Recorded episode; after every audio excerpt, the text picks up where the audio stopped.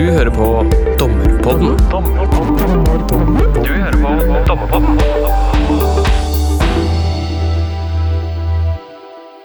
Da er det en stor glede å ønske velkommen til eh, denne episoden av Dommerpodden.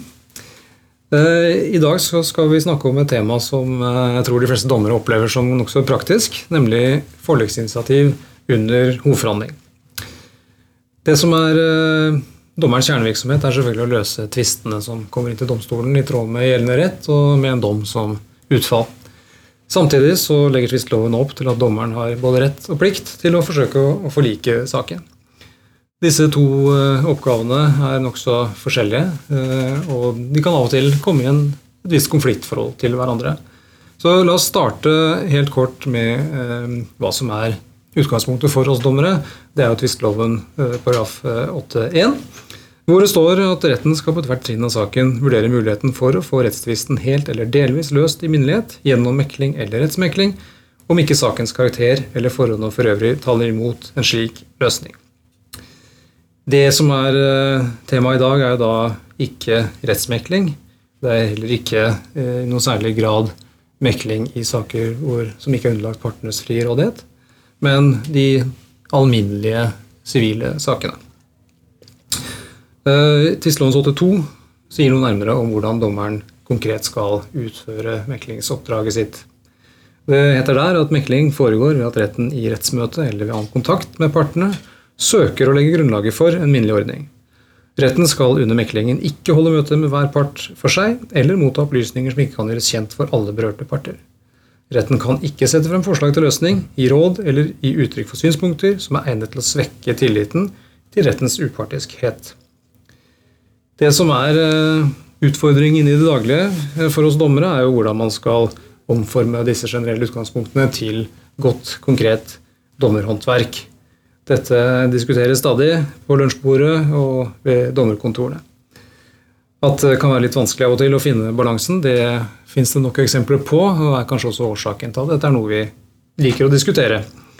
Vi alle har vel hørt mer eller mindre hårreisende historier om dommere som enten går altfor langt, og som opplever, hvor partene opplever et utilbørlig press, eller dommere som ikke sier noen ting når saken skriker etter en intervensjon fra dommerens side. Eh, I kommentarutgaven til tvistloven er dette sagt på følgende måte om eh, hvordan dette var historisk før tvistloven. Skei med flere skriver der at det var imidlertid vesentlige forskjeller i hvordan domstolene og dommere praktiserte meklingsarbeidet. Den ene ytterlighet besto i at man aldri tok initiativ til mekling, den andre ytterlighet besto i dommere som i realiteten beordret partene til å enes i nærmest enhver sak. Det første er uheldig, det andre er ille og uforenlig med loven og dommerrollen. Dette er enkelt å være enig i, og også i tilsynsutvalgets praksis finner vi en del eksempler eh, på klager eh, mot eh, dommeropptreden i forlikssammenheng. Og For å avslutte denne litt teoretiske innledningen så, så tenkte jeg bare å nevne Eh, en litt illustrerende uttalelse derfra, hvor eh, tilsynsutvalget eh, uttaler at under forliksforhandlingene står dommeren overfor en vanskelig balansegang. Det er ønskelig at dommeren viser en viss aktivitet for å bidra til et godt og rimelig resultat, men dommeren må ikke gi uttrykk for noen bestemt holdning til saken eller ta noe klart forhåndsstandpunkt til de spørsmål han må avgjøre dersom forliksforhandlingen ikke fører fram. Dommeren må hele tiden under meklingen ha for øye egen habilitet, og ikke minst være oppmerksom på hvordan ulike initiativ og uttalelser i form av forslag eller råd fra hans side oppfattes. Med det eh, tenkte vi å introdusere dagens to gjester. For å snakke om forliksinitiativ under hovedforhandling er jeg heldig å ha fått med meg to eh, meget kompetente personer. En advokat og en dommerkollega.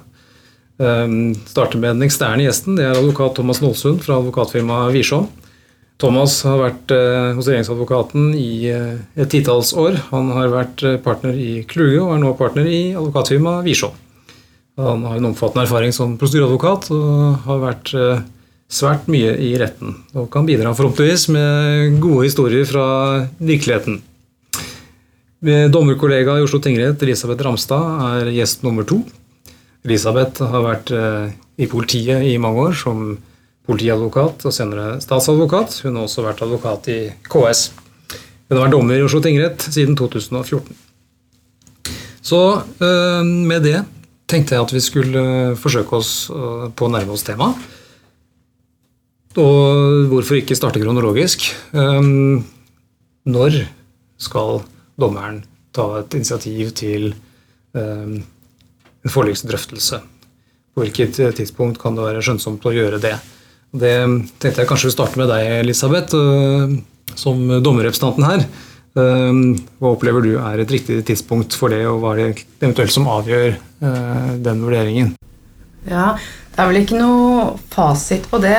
Det er en sånn tommelfingerregel som i hvert fall vet mange har, at partene, i hvert fall etter at hovedforhandlingene har begynt, så, så blir det sagt at det ofte er lurt å la partene forklare seg før man begynner med, eller tar initiativ til forlik. Eh, men jeg tenker at det varierer litt fra sak til sak, og at i noen saker så bør du vente helt til slutt. Eh, I noen saker så kanskje det skal være en sakkyndig, f.eks. Da vil eh, de fleste være opptatt av hva vedkommende har å si. Eh, og i noen saker så kan du jo ta det til og med ta en telefon dagen før man starter, eller enda tidligere enn det, og, og høre om det er eh, aktuelt, om, om partene er interessert i å forsøke å bli enig. Mm. Det kommer jo det kommer rett og slett litt an på saken, og det er mange hensyn å ta, tenker jeg. Men i foreldretvister så, så er det ofte klokt å i hvert fall høre foreldrenes forklaring Eh, før man eh, Både fordi det er, eh, det er interessant å høre det selv, men også fordi de har et behov for å snakke. De vil ofte ha en del på hjertet som de vil si, og det er greit å, å, å la det skje først. Mm. Thomas, høres dette ut som fornuftige tanker for deg?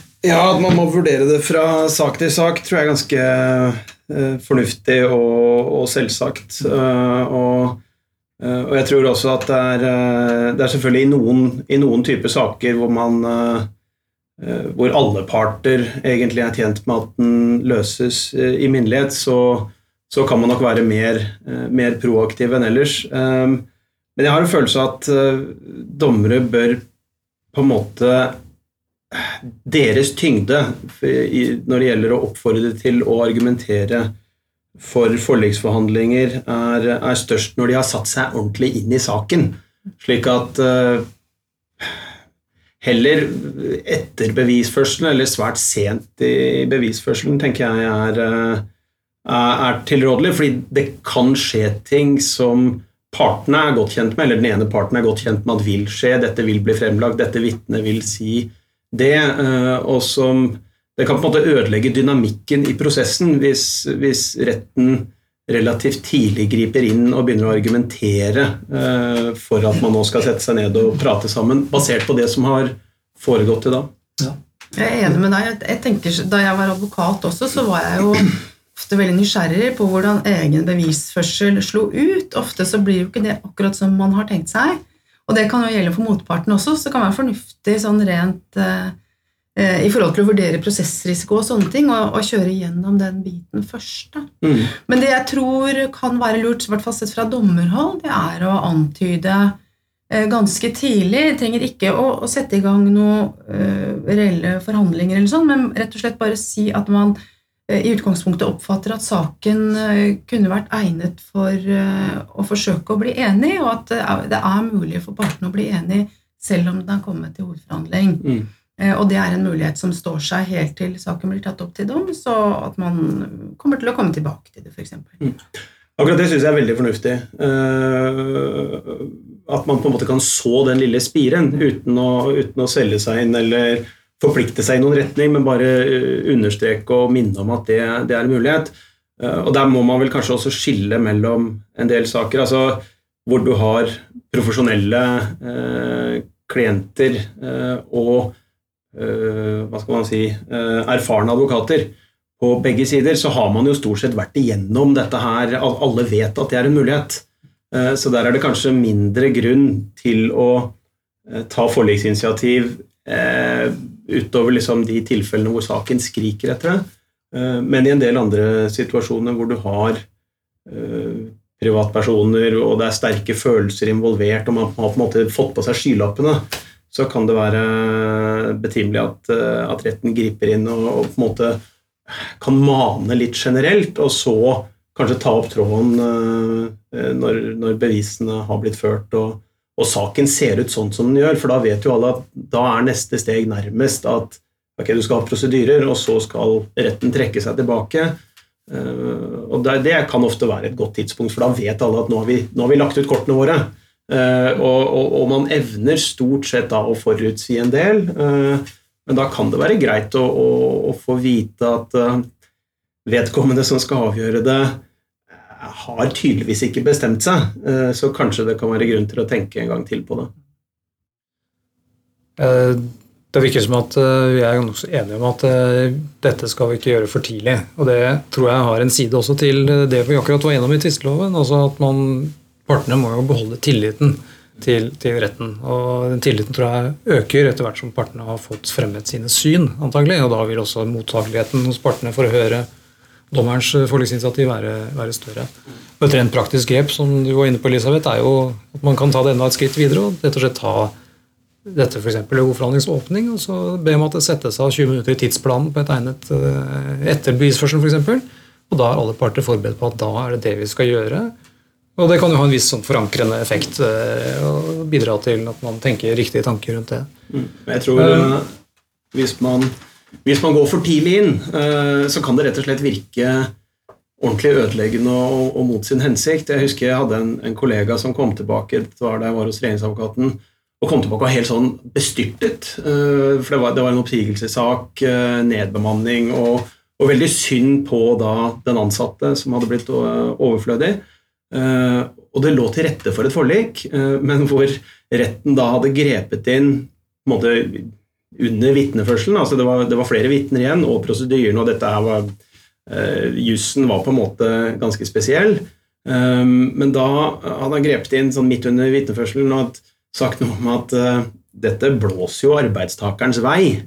Uh, og gitt uttrykk for en sånn preferanse til utfallet, antageligvis da i, i den hensikt å presse arbeidsgiver litt til, et, eh, til å komme til forhandlingsbordet. Men, og her lå det nok til rette for et forlik, men arbeidstakeren hadde jo da fått på en måte vite at dommeren eh, var på hans lag, så han avslo absolutt alle løsninger. Eh, og, og, og, det viste seg etter hvert at retten kanskje hadde skutt for tidlig, men, men følte seg, i hvert fall ble det tolket sånn, følte seg etter hvert forpliktet til å avsi en dom i tråd med det han hadde skissert tok i litt ekstra hardt uh, med liksom bruk av adjektiver, som gjorde at staten måtte anke saken, uh, og, og, og, vant fullt ut i lagmannsretten. Så i stedet for å liksom tilrettelegge for et fornuftig forlik under førsteinstansbehandlingen, så ble det et, uh, et stygt nederlag etter en ankebehandling.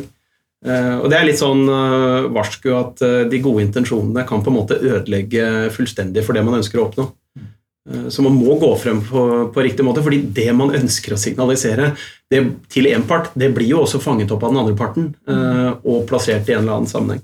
Og Det som er farlig også med å eh, komme med den slags antydninger, er jo det ene som du peker på der, at man kan føle seg bundet av det selv når man skal mm. skrive dommen hvis det ikke blir forlik.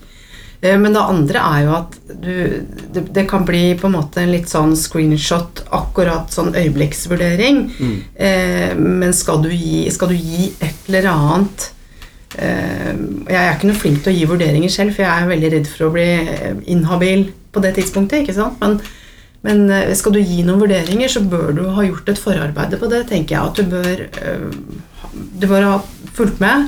Uh, og, og, ha klart for deg sånn, hva som er hovedspørsmålene i saken, hva som er hovedbevisene, sånn at du kan gi en skisse som er litt bredere enn et sånt uh, øyeblikksbilde. Da. Ja, det er jo Jeg merker det hver gang jeg er i retten, så vil jeg, jeg vil jo gjerne vite hva er det dommeren tenker nå. Ja. Så jeg tenker da stort sett at nå skal jeg gjerne liksom sett at dommeren reiser akkurat nå, så så, så, tolker jeg på en måte saken i denne retningen. Dette er helt uforpliktende, men jeg, jeg forstår det som foreløpig slik. Sånn at man da kunne liksom satt inn støtte Ok, det, dette må vi bare korrigere. Um, men i realitet, altså i virkelighetens verden så er det antakeligvis håpløst. Uh, fordi det er noe med når ting blir sagt, og så begynner man å, og Da blir man litt engasjert, og så uh, Da har man på en måte gitt uttrykk for noe og, og tatt en stilling til noe, eh, som kan, og det er for tidlig. Eh, så jeg tror eh, dessverre at det, er, at det ikke er så, så heldig, men, men jeg skulle gjerne visst litt mer om hva dommere tenkte. Altså. Når du er inne på det, når du er inne på det Thomas, altså, så er det vår hodepine er å gjøre det på en måte som nettopp gjør at vi ikke havner i den situasjonen som den dommeren du akkurat snakket om, som jeg tenker jo nok sto i fare for å komme i nokså nærkontakt med domstolloven 108 der. Um, og en sånn forliksinitiativ må gjerne ha en, uh, må ha en liten historie. Den må ha en innledning. Uh, og så må den uh, nærme seg problemstillingen i saken på en måte som holder seg innenfor rammene av, av, av tvistloven.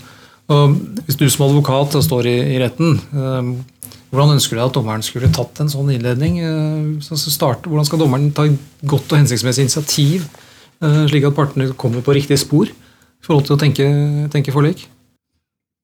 Jeg tenker at, eh, at dommerne må, må kunne forklare hvorfor forlik er en god løsning i, i denne saken. Og det er noe med at Dette er sikkert ikke overførbart til alle saker, men, men det er noe med at domstolsbehandling er egentlig en ganske elendig måte å løse tvister på.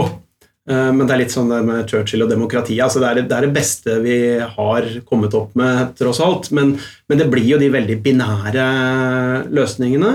Eh, og man kan løse liksom akkurat den rettssaken, men ikke konflikten osv. Eh, men hvis Og jeg tror at hvis, hvis dommeren kan vise at han eller hun ser dette her og evner liksom å, å se en lang kontekst og, og kunne forklare uh, på en måte som viser at uh, han forstår partenes situasjon, uh, og, og, og, på en måte forstår interessene deres, men at de interessene ikke nødvendigvis er tjent med at det blir en dom i denne saken, men at en mer fleksibel kompromissløsning kan være bedre.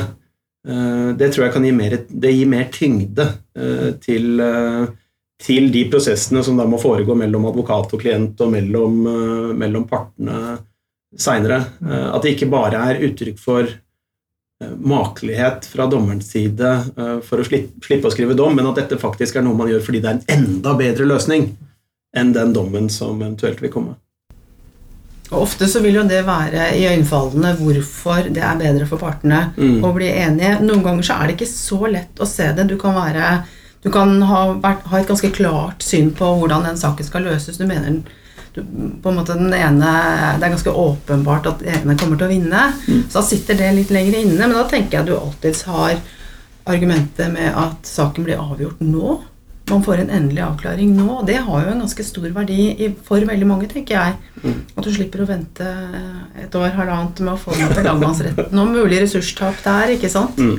Ja, det, det er, men, men, det er klart, der kan man jo bevege seg over på øh, Press? Ja, på, på, på, det som blir oppfattet som, øh, som press, og at den ene parten mm. spekulerer i, i, ja. i tidsmomentet for å, for å, få til en løsning. Og jeg tenker jo ofte at hvis utfallet synes klart, øh, og den rettslige løsningen er klar, så har én tatt feil avgjørelse ved å, ved å, delta i denne rettsprosessen, og den andre har hatt rett. Og da skal jo også dommere fremme rett um, og, og, og, sikre det. Men, men, det kan, ja, men, men, i noen tilfeller så kan det likevel være riktig. og det, det vil jo være parter som skal forholde seg til hverandre fremover. Det kan være familiemedlemmer, det kan være selskaper som har et forretningsforhold som kanskje er mer tjent med at de i hvert fall tilsynelatende kom til en slags enighet om dette her, enn at den ene ble liksom trykket grundig ned eh, til fordel for den andre.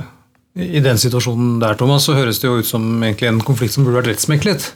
Um, og i den, i den, i forlengelsen av det, altså hvis tvisten har uh, vært rettsmeklet, um, vil det ha noen eh, tenker du at det vil ha noen innvirkning på hvordan man bør forholde seg til forliksinitiativ i, i selve hovedforhandlingen?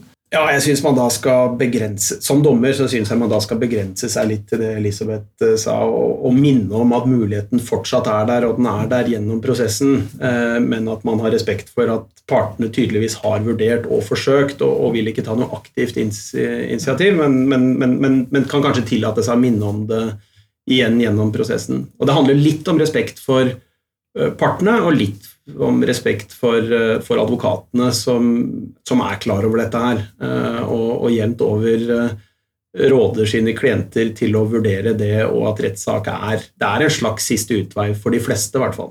Mm.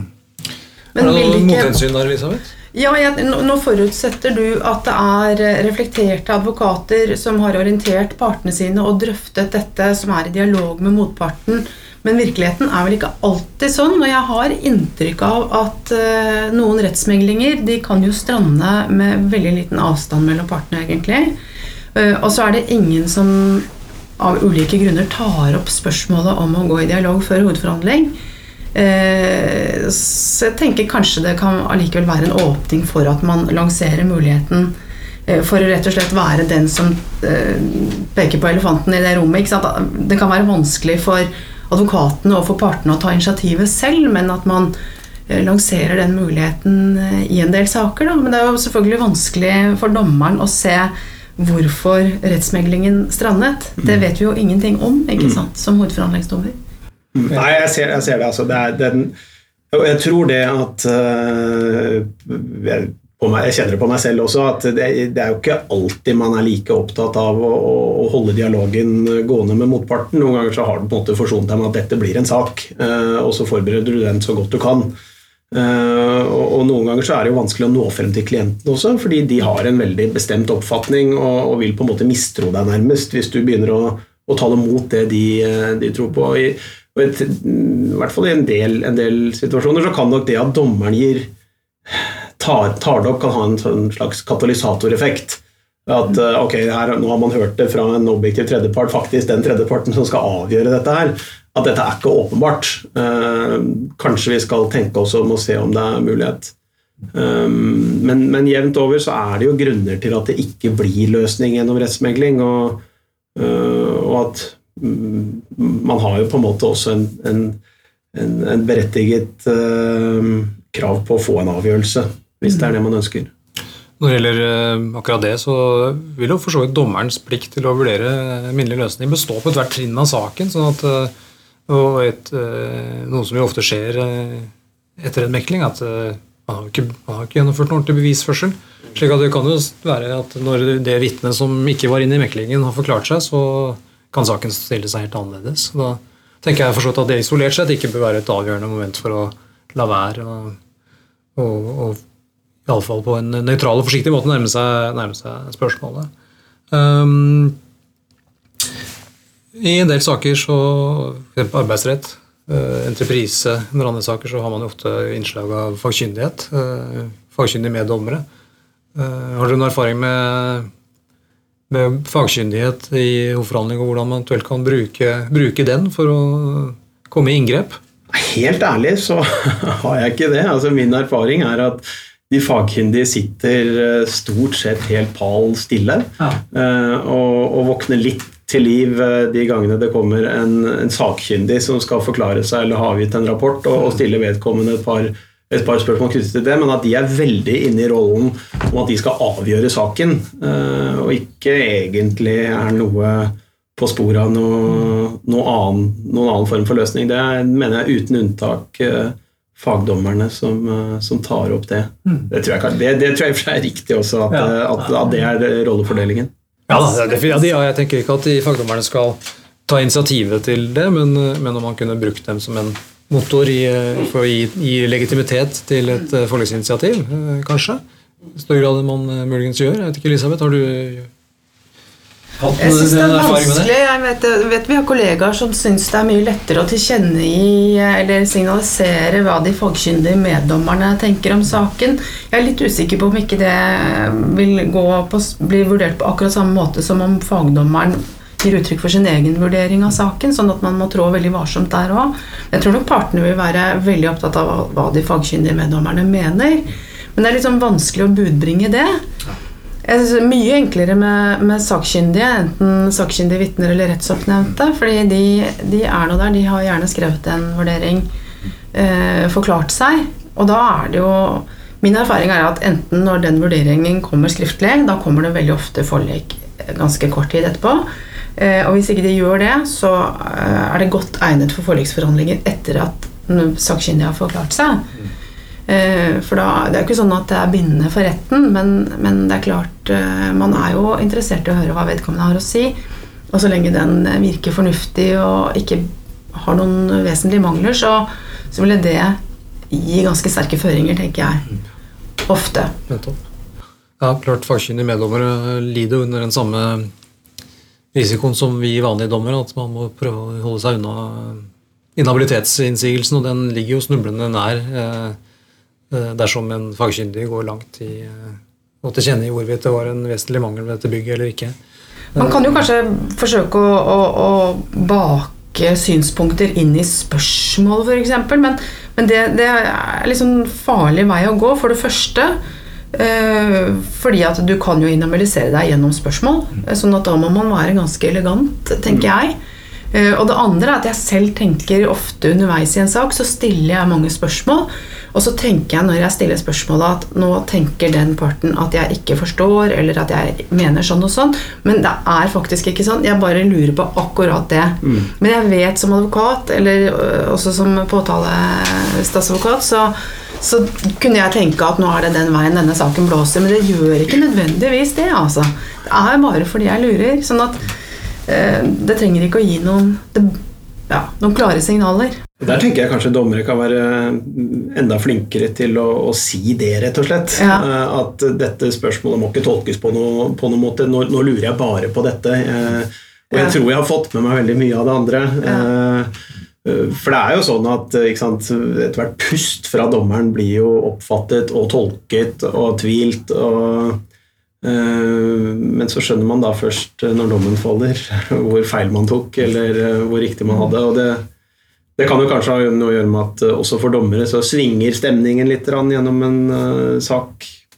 Det kan, ikke sant? Den kan svinge fra vitne til vitne. Mm. Den kan altså, det, så, så um, uforutsigbart kan det jo være. Men, fall, men, men man skal være bevisst på det, altså, fordi som advokat vet jeg, og, og, og jeg vet også at klientene eh, er veldig opptatt av, eh, av kroppsspråket til dommeren og alt som blir sagt, og, og, og prøver å tolke det. Men det kunne man kanskje sagt innledningsvis, rett og slett. Og si at jeg kommer til å stille, til å stille mange spørsmål, men, men det betyr ikke at jeg har bestemt meg. Eh, Det kan variere Det kan gå litt eh, i forskjellige retninger underveis. Og så lander jeg ofte på et resultat når jeg skriver dommen. ikke sant? Er det noen eh, ting dere tenker at vi definitivt ikke skal finne på i forliksinitiativer under hovedforhandlingen? Har du noen eksempler på det, Thomas, som du har opplevd? Det jeg syns kanskje er, eh, er krevende, er de sakene hvor en dommer har bestemt seg for at det skal forlikes, og, og kanskje den annen part er interessert i et forlik, eh, og du nærmest du havner i en sånn dobbel, uh, dobbel skyts uh, for å godta en løsning, Uh, og hvor det kan bli uttrykt litt sånn misbeligelse hvis man ikke får det til, og, og at man selv som advokat eller klienten står på sitt. eh, Det, det syns jeg er ubehagelig. Eh, Og der kan du liksom, fordi Er det én ting man vil som advokat, så er det liksom å Man vil jo please retten. Man vil så langt som mulig, men, men ikke på bekostning av klientens interesser. Eh, og, og de gangene hvor du føler at en dommer nå liksom ser, sitter og ser skeivt på deg fordi du ikke vil godta et forlik, det er ubehagelig, og det syns jeg man egentlig kan unngå. Og, jeg har jo opplevd saker hvor man har vært under, et ganske sterkt press, stått imot og, og vunnet saken på en måte som man syns er riktig. Eh, og i de tilfellene så, så bør det være riktig. Og der har du også den det er en høyesterettsdom fra 94 eh, om en eh, en prinsipal som ble dømt til erstatning fordi fullmektigen hadde blitt eh, presset til et helt sånn hårreisende rettsforlik. Ja. Som når du leser avgjørelsen, skriker litt etter at her, her burde rett og slett eh, dommeren ha grepet inn og, og i hvert fall formant i, i noen grad eh, advokatene eller klientene før de gikk inn på det rettsforliket. Eh, Så jeg tenker det var, det var advokaten som der ble ansvarlig, men ryktene skal ha det til at, eh, at sorenskriveren også var vel ivrig i, i den styringen. Absolutt. Det er jo det at dommeren har jo ikke alltid bestemt seg underveis heller. Du skal jo, det er jo rett som det er at jeg bestemmer meg mens jeg skriver. Det er en prosess som skjer når jeg skriver dommen. Eh, Da ser jeg nøyere på dokumentene. ikke sant? Og det står jo faktisk på den måten. Du ser ting, eh, du får fordøyd bevisene på en annen måte. Og hvis man da har gått for hardt ut i forhold til forlik på enten den ene eller den andre veien, så har du enten risikoen for at det kan binde deg litt når du vurderer bevisene, eh, det må man være bevisst, men også at slett, det kan bli feil, rett og slett. Ikke sant? Eh, Det er ikke det resultatet blir. Men når det skal sies, altså, så tenker jeg at uh, de, de gangene jeg har, og jeg har stort sett da ikke privatklienter, men, men, men selskaper som ofte er vant til å være i, eh, i, i en eller annen form for rettslig konflikt, og, og, og kjenne spillereglene bedre. Og, og da mener jeg egentlig at dommere kan tillate seg å gå relativt langt i å, i å gi uttrykk for ting uten å eh, så Jeg er ikke så opptatt av inhabiliseringen. Altså, fordi et uttrykk for hvordan du har tolket noe, er jo Du skal jo tolke det uansett, eh, og det skal inn i avgjørelsen, så at du hinter litt om hvordan du tenker, det, det, det, det tror jeg de profesjonelle aktørene takler. Jeg husker jeg hadde en sak med forferdelig sak med en, en, en dame som hadde blitt påkjørt på et jernbanespor. Det var et spørsmål om, om innretningen av, av den plattformen var uforsvarlig, for hun hadde gått ned i sporet og, og fulgt det og blitt truffet av et tog. Eh, Og da, og da vi var på befaring og, og så på det, og så husker jeg liksom, på vei tilbake derfra, så passerte dommeren og så hvisket hun sånn dette så ikke helt bra ut, her tror jeg kanskje du burde gå for forlik. Eh, Og så tenkte jeg sånn "Nei, det er jo helt absurd, det, det går jo ikke an. Og, så, og det var ikke snakk om for, for min klient å gå inn på noe forlik der. Så jeg holdt en lang, flammende prosedyre om amerikanske tilstander, eh, som nå er inne igjen, da, men eh, som havnet på førstesiden i Nettavisen, men tapte saken. I hvert fall 50% For der hadde dommeren i og for seg bestemt seg og hintet om det. Og jeg syntes det var irriterende der og da, men det var jo ikke irriterende fordi hun hintet. Det var jo irriterende pga. budskapet Utfall. i seg selv. ikke sant? Så egentlig så syns jeg det er fair uh, overfor profesjonelle å hinte litt om, om hvilken vei det går, sånn at man kan spare både partene og samfunnet egentlig for, eh, for kostnadene. Men ville det gi mening hvis man, hvis man f.eks. Uh, gjør en slags vurdering uten å konkludere? Kan det være en, en mellomløsning som gjør at man ikke inhabiliserer seg? Men, men vil det gi advokatene nok til å kunne bruke det i forliksforhandlingene? Altså at man, man går litt gjennom bevisene, de problemstillingene som er eh, Hva bevissituasjonen har vært på den ene siden, på den annen side. Ja, jeg tror det, og jeg tror liksom, noen ganger så hører jeg dommere si, og, jeg, og da henvender de seg stort sett direkte til klientene, egentlig, at uh, ber vedkommende merke seg det som nå har blitt sagt, og, og, og at eh, det skriftlige materialet som er her eh, det, det, det er ikke nødvendigvis avgjørende, men, men det gir et relativt entydig inntrykk, og vi må jo veie det opp mot X, Y og Z, men, men, men, tenk på det, eh, at dette er ting vi må nå vurdere, eh, men at det kan kanskje være grunn til å, eh, å, å se om det er mulig å finne en, en minnelig løsning. Så på en eller annen måte å få illustrert prosessrisikoen for partene, eh, uten nødvendigvis å, å dytte den ned i halsen på dem. Det, jeg, har, jeg har tro på det, altså. Det er vel å merke til en ting du sa i stad, om at bare det å si, eh, bare det å si at eh, dette er eh, Eller jeg har ikke bestemt meg ennå. Bare det å si det avslutningsvis i saken. eh, Når du sa det på den måten, så tenkte jeg ja, det er jo et veldig sterkt signal om at det fortsatt er en, det er en reell prosessrisiko her. Og for mange parter så vil nok det være litt skremmende, fordi man har jo en veldig sterk tro ofte på egen sak. da. Jeg tenker at dette er jo noen av de sånn sentrale momentene liksom i kjernen av, av hvordan man skal gjøre dette. Og jeg er helt enig med deg, Thomas. Jeg tror at eh, for at det ikke skal bli bare selvfølgeligheter, så er dommeren nødt til å tørre å tråkke litt inn i, ikke salaten, men i fall inn i materien.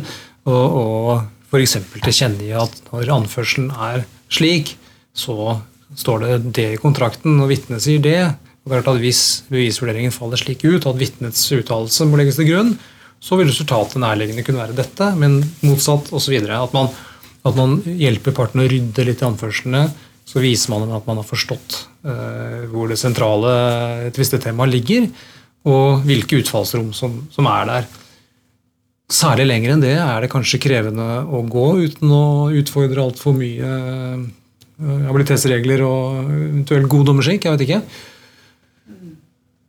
At man kan si noe generelt rundt hva som, eh, hva som er eh, si, Hva som er tungtveiende bevis. Det kan man kanskje ikke gjøre, eller hva- hvor er vi der? Vi har vel i utgangspunktet en, en fri bevisvurdering, men det er klart det går an å, å vise til regelen om begivenhetsnære bevis, f.eks. At eh, det møtereferatet som ble tatt dagen etter eh, avskjeden, eh, kanskje veier tyngre enn den vitneforklaringen som nå kommer eh, ikke sant? halvannet år etter. Ja, nettopp den type ting. Eh, Sånne generelle forhold som kan påvirke rettens vurdering, tror jeg kan være lurt å, å, å løfte fram for partene. Og Jeg tror ikke alltid man kan legge til grunn at eh, advokatene er sånn som Thomas, at de faktisk har eh, orientert sine klienter eh, om den typen vurderinger som alltid vil til dels være styrende for dommeren. Noen ganger så er det jo også vanskelig, fordi jeg oppfatter Og det er jo ikke alltid så lett for oss å se, men at jeg kan oppfatte at advokaten absolutt ikke er en medspiller når det gjelder å forsøke å tenke forliksmuligheter. At jeg, jeg får inntrykk av at advokaten som ikke vil. Eh, det syns jeg kan være en vanskelig situasjon i en sak som bør forlikes. Eh, gjerne en foreldretvist, ikke sant. Hva gjør man der? Ja, Hva gjør man der? Nei, jeg, har ganske nettopp øh, opplevd det, og da henvendte jeg meg direkte til parten. Og jeg gikk faktisk også så langt som til at jeg sa at øh, jeg ser på deg og ikke på advokaten din, sa jeg, fordi det er ditt barn. Det er du som er faren til sånn og sånn. Uh, jeg følte selv det var ganske sterkt, men, men jeg, det var også en sånn uh, Altså, jeg, jeg bare måtte gjøre det, fordi saken øh, burde vært forlikt. Tenkte jeg. Hvordan gikk det? Nei, den prosessen går, og den skal opp for hovedforhandling. Mm. Den illustrerer for så vidt også et, et eh, mer generelt tema, at eh, man må jo tilpasse initiativene sine til hva saken gjelder. Det er klart at I en sånn, eh, i den type foreldretvister så vil jo barnets beste i stor grad komme inn og styre. og Det kan jo slå begge, begge veier, for så vidt, men ofte så vil det jo være en, et argument for at man at man forliker. Men det kan selvfølgelig også være grunn til bekymring eh, for barnets velferd i den ene eller andre løsning, retning, slik at man faktisk da må avstå fra å gjøre noe initiativ fordi at man, resultatet er relativt klart. Og Det er vel også en, et generelt poeng. altså Dersom dommeren har en klar oppfatning om hvor saken skal, så vil jeg jo tenke at man bør være eh, svært tilbakeholden med å oppfordre til til en eh, 50-50-løsning dersom resultatet er 100-0. Det, det tenker jeg må være, også være ganske klart. Ja, Da må det være noe mer å hente, rett og slett. Du, kanskje kanskje er deg, Thomas. øh, Dommere rundt omkring. Er det forskjell på hvor man er i landet? Er det forskjell på hvor man er i hierarkiet? Er dommere i tingrettene annerledes enn lagmannsrettene? Er det i så fall noen grunn til at man Skal man være annerledes i tingretten enn lagmannsretten? Hvordan Har du noen refleksjoner rundt, øh, rundt slikt? Jeg tenker, ja, Stort sett så har jeg vel opplevd eh, at det er i tingretten at eh, de store forliksdiskusjonene kommer. Eh, ofte så har man jo den situasjonen at, at saker ankes for å komme i en eller annen forliksposisjon, sånn at eh, man kan få moderert resultatet litt. Men, men da opplever jeg at det stort sett er mellom advokatene det står, og at den da kommer inn for lagmannsretten og hovedforhandlingen begynner der. Eh, nei, det er ganske sjelden, altså. At, eh, at jeg har opplevd noe særlig forliksutspill eh, der. Det er vel enda sjeldnere i Høyesterett. Jeg, jeg har ikke, ikke vært med på det. Eh, jeg vet ikke om det har skjedd noen gang. Nei. Nei, så Og det er jo vel, det er vel naturlig at øh, det er liksom i, i tingretten at saken er litt umoden, og at partene kanskje er litt umodne og kanskje litt overdrevent optimistiske. og, kan, og trenger litt kaldt vann i blodet for å forstå hva de egentlig står overfor. Og konsekvensen av å tape, ikke minst. For det er noe med det at uh, man har jo lettere for å Eller i hvert fall de fleste har lettere for å se for seg situasjonen hvis man vinner. Uh, men det å faktisk forstå hva som skjer hvis man taper, uh, og hvordan det vil arte seg, og at det faktisk er en, en, grad av sannsynlighet for det som er større enn den man egentlig orker å tenke på, det, det tror jeg kan være greit å, å, få med seg. Det er ikke noe morsomt for advokater å snakke med klientene sine om det. Nei, tapsversjonen er sterk hos ja, de fleste. Ja, mm. Altså. Mm. Vi uh, tror jeg begynner å nærme oss uh, enden på denne podkasten, eh, folkens. Det har vært utrolig hyggelig å ha dere på besøk. Er det noen som drister seg til noen kloke, oppsummerende ord før vi før vi sier takk for i dag. Eh, Thomas, utfordre deg først. Nei, jeg, det er jeg slites, merker jeg, mellom alle, alle synspunktene. Men jeg, jeg, jeg, står for det at uh, at en, en, endelig dom ofte kan være en dårlig løsning på en konflikt, og at det bør være absolutt siste utvei, og, og dommere bør bidra til at, at, det oppfattes som en siste utvei også. Eh, og så må man gjøre det som Elisabeth sier, man må liksom gå frem nennsomt på riktig måte, sånn at partene ikke får en følelse at eh, de får tredd noe over hodet av en som egentlig har misforstått. Altså Man bør vise at man er den allvitende dommer oppi alt, eh, oppi alt dette også. Og ha litt sånn ja, empati når man, når man forklarer dette her. Du Elisabeth, som da representant for de allvitende dommerne. Ja, nei, jeg tenker eh, det Thomas er inne på, at man må, man må forberede seg litt. Eh, få en litt sånn oversikt over bevissituasjonen, problemstillingene. Sånn at man er i stand til å øh, gi litt vurderinger uten å konkludere. Så man er i stand til å gi dem på en tillitsvekkende, balansert måte. Mm. Men så er det selvfølgelig Man står liksom i krysningspunktet der mellom at det skal, være, det skal gi noe mening, det skal gi noen signaler for partene. Og du skal ikke inhabilisere deg. Og det er liksom der, det, er, det, er eh, det vanskelige punktet. Eh, og så sa du jo også noe viktig, at dommeren bør kunne forklare partene hvorfor, de skulle, hvorfor det er ålreit for dem å forlike saken. Hvorfor det er bra. Og jeg er jo enig med deg. Dom er jo ofte det beste alternativet. Men bare så lenge partene ikke har klart å, å bli enige. Mm. En avtale er jo i utgangspunktet det aller beste i de fleste saker. Mm. Ja takk. Med det så tror jeg vi uh, sier tusen takk til uh, Thomas Nåsund og Elisabeth Ramstad for å ha vært med i denne utgaven av Dommerpodden. Takk skal dere ha. Tusen takk. Veldig hyggelig. Du har hørt på Dommerpodden. Dommerpodden er en podkast fra Norges domstoler, og er først og fremst ment som et kompetansetiltak for dommerne. Foreløpig er dette et eh, prøveprosjekt, og vi som lager podkasten, er interessert i å høre hva du syns. Hvis du har ris, ros eller forslag til temaer eller folk vi kan prate med, så blir vi glad for å høre fra deg. Send en mail til podkast at domstol.no og gi oss en mulighet til å bli bedre. Ha en god dømmende hverdag så lenge. Vi høres.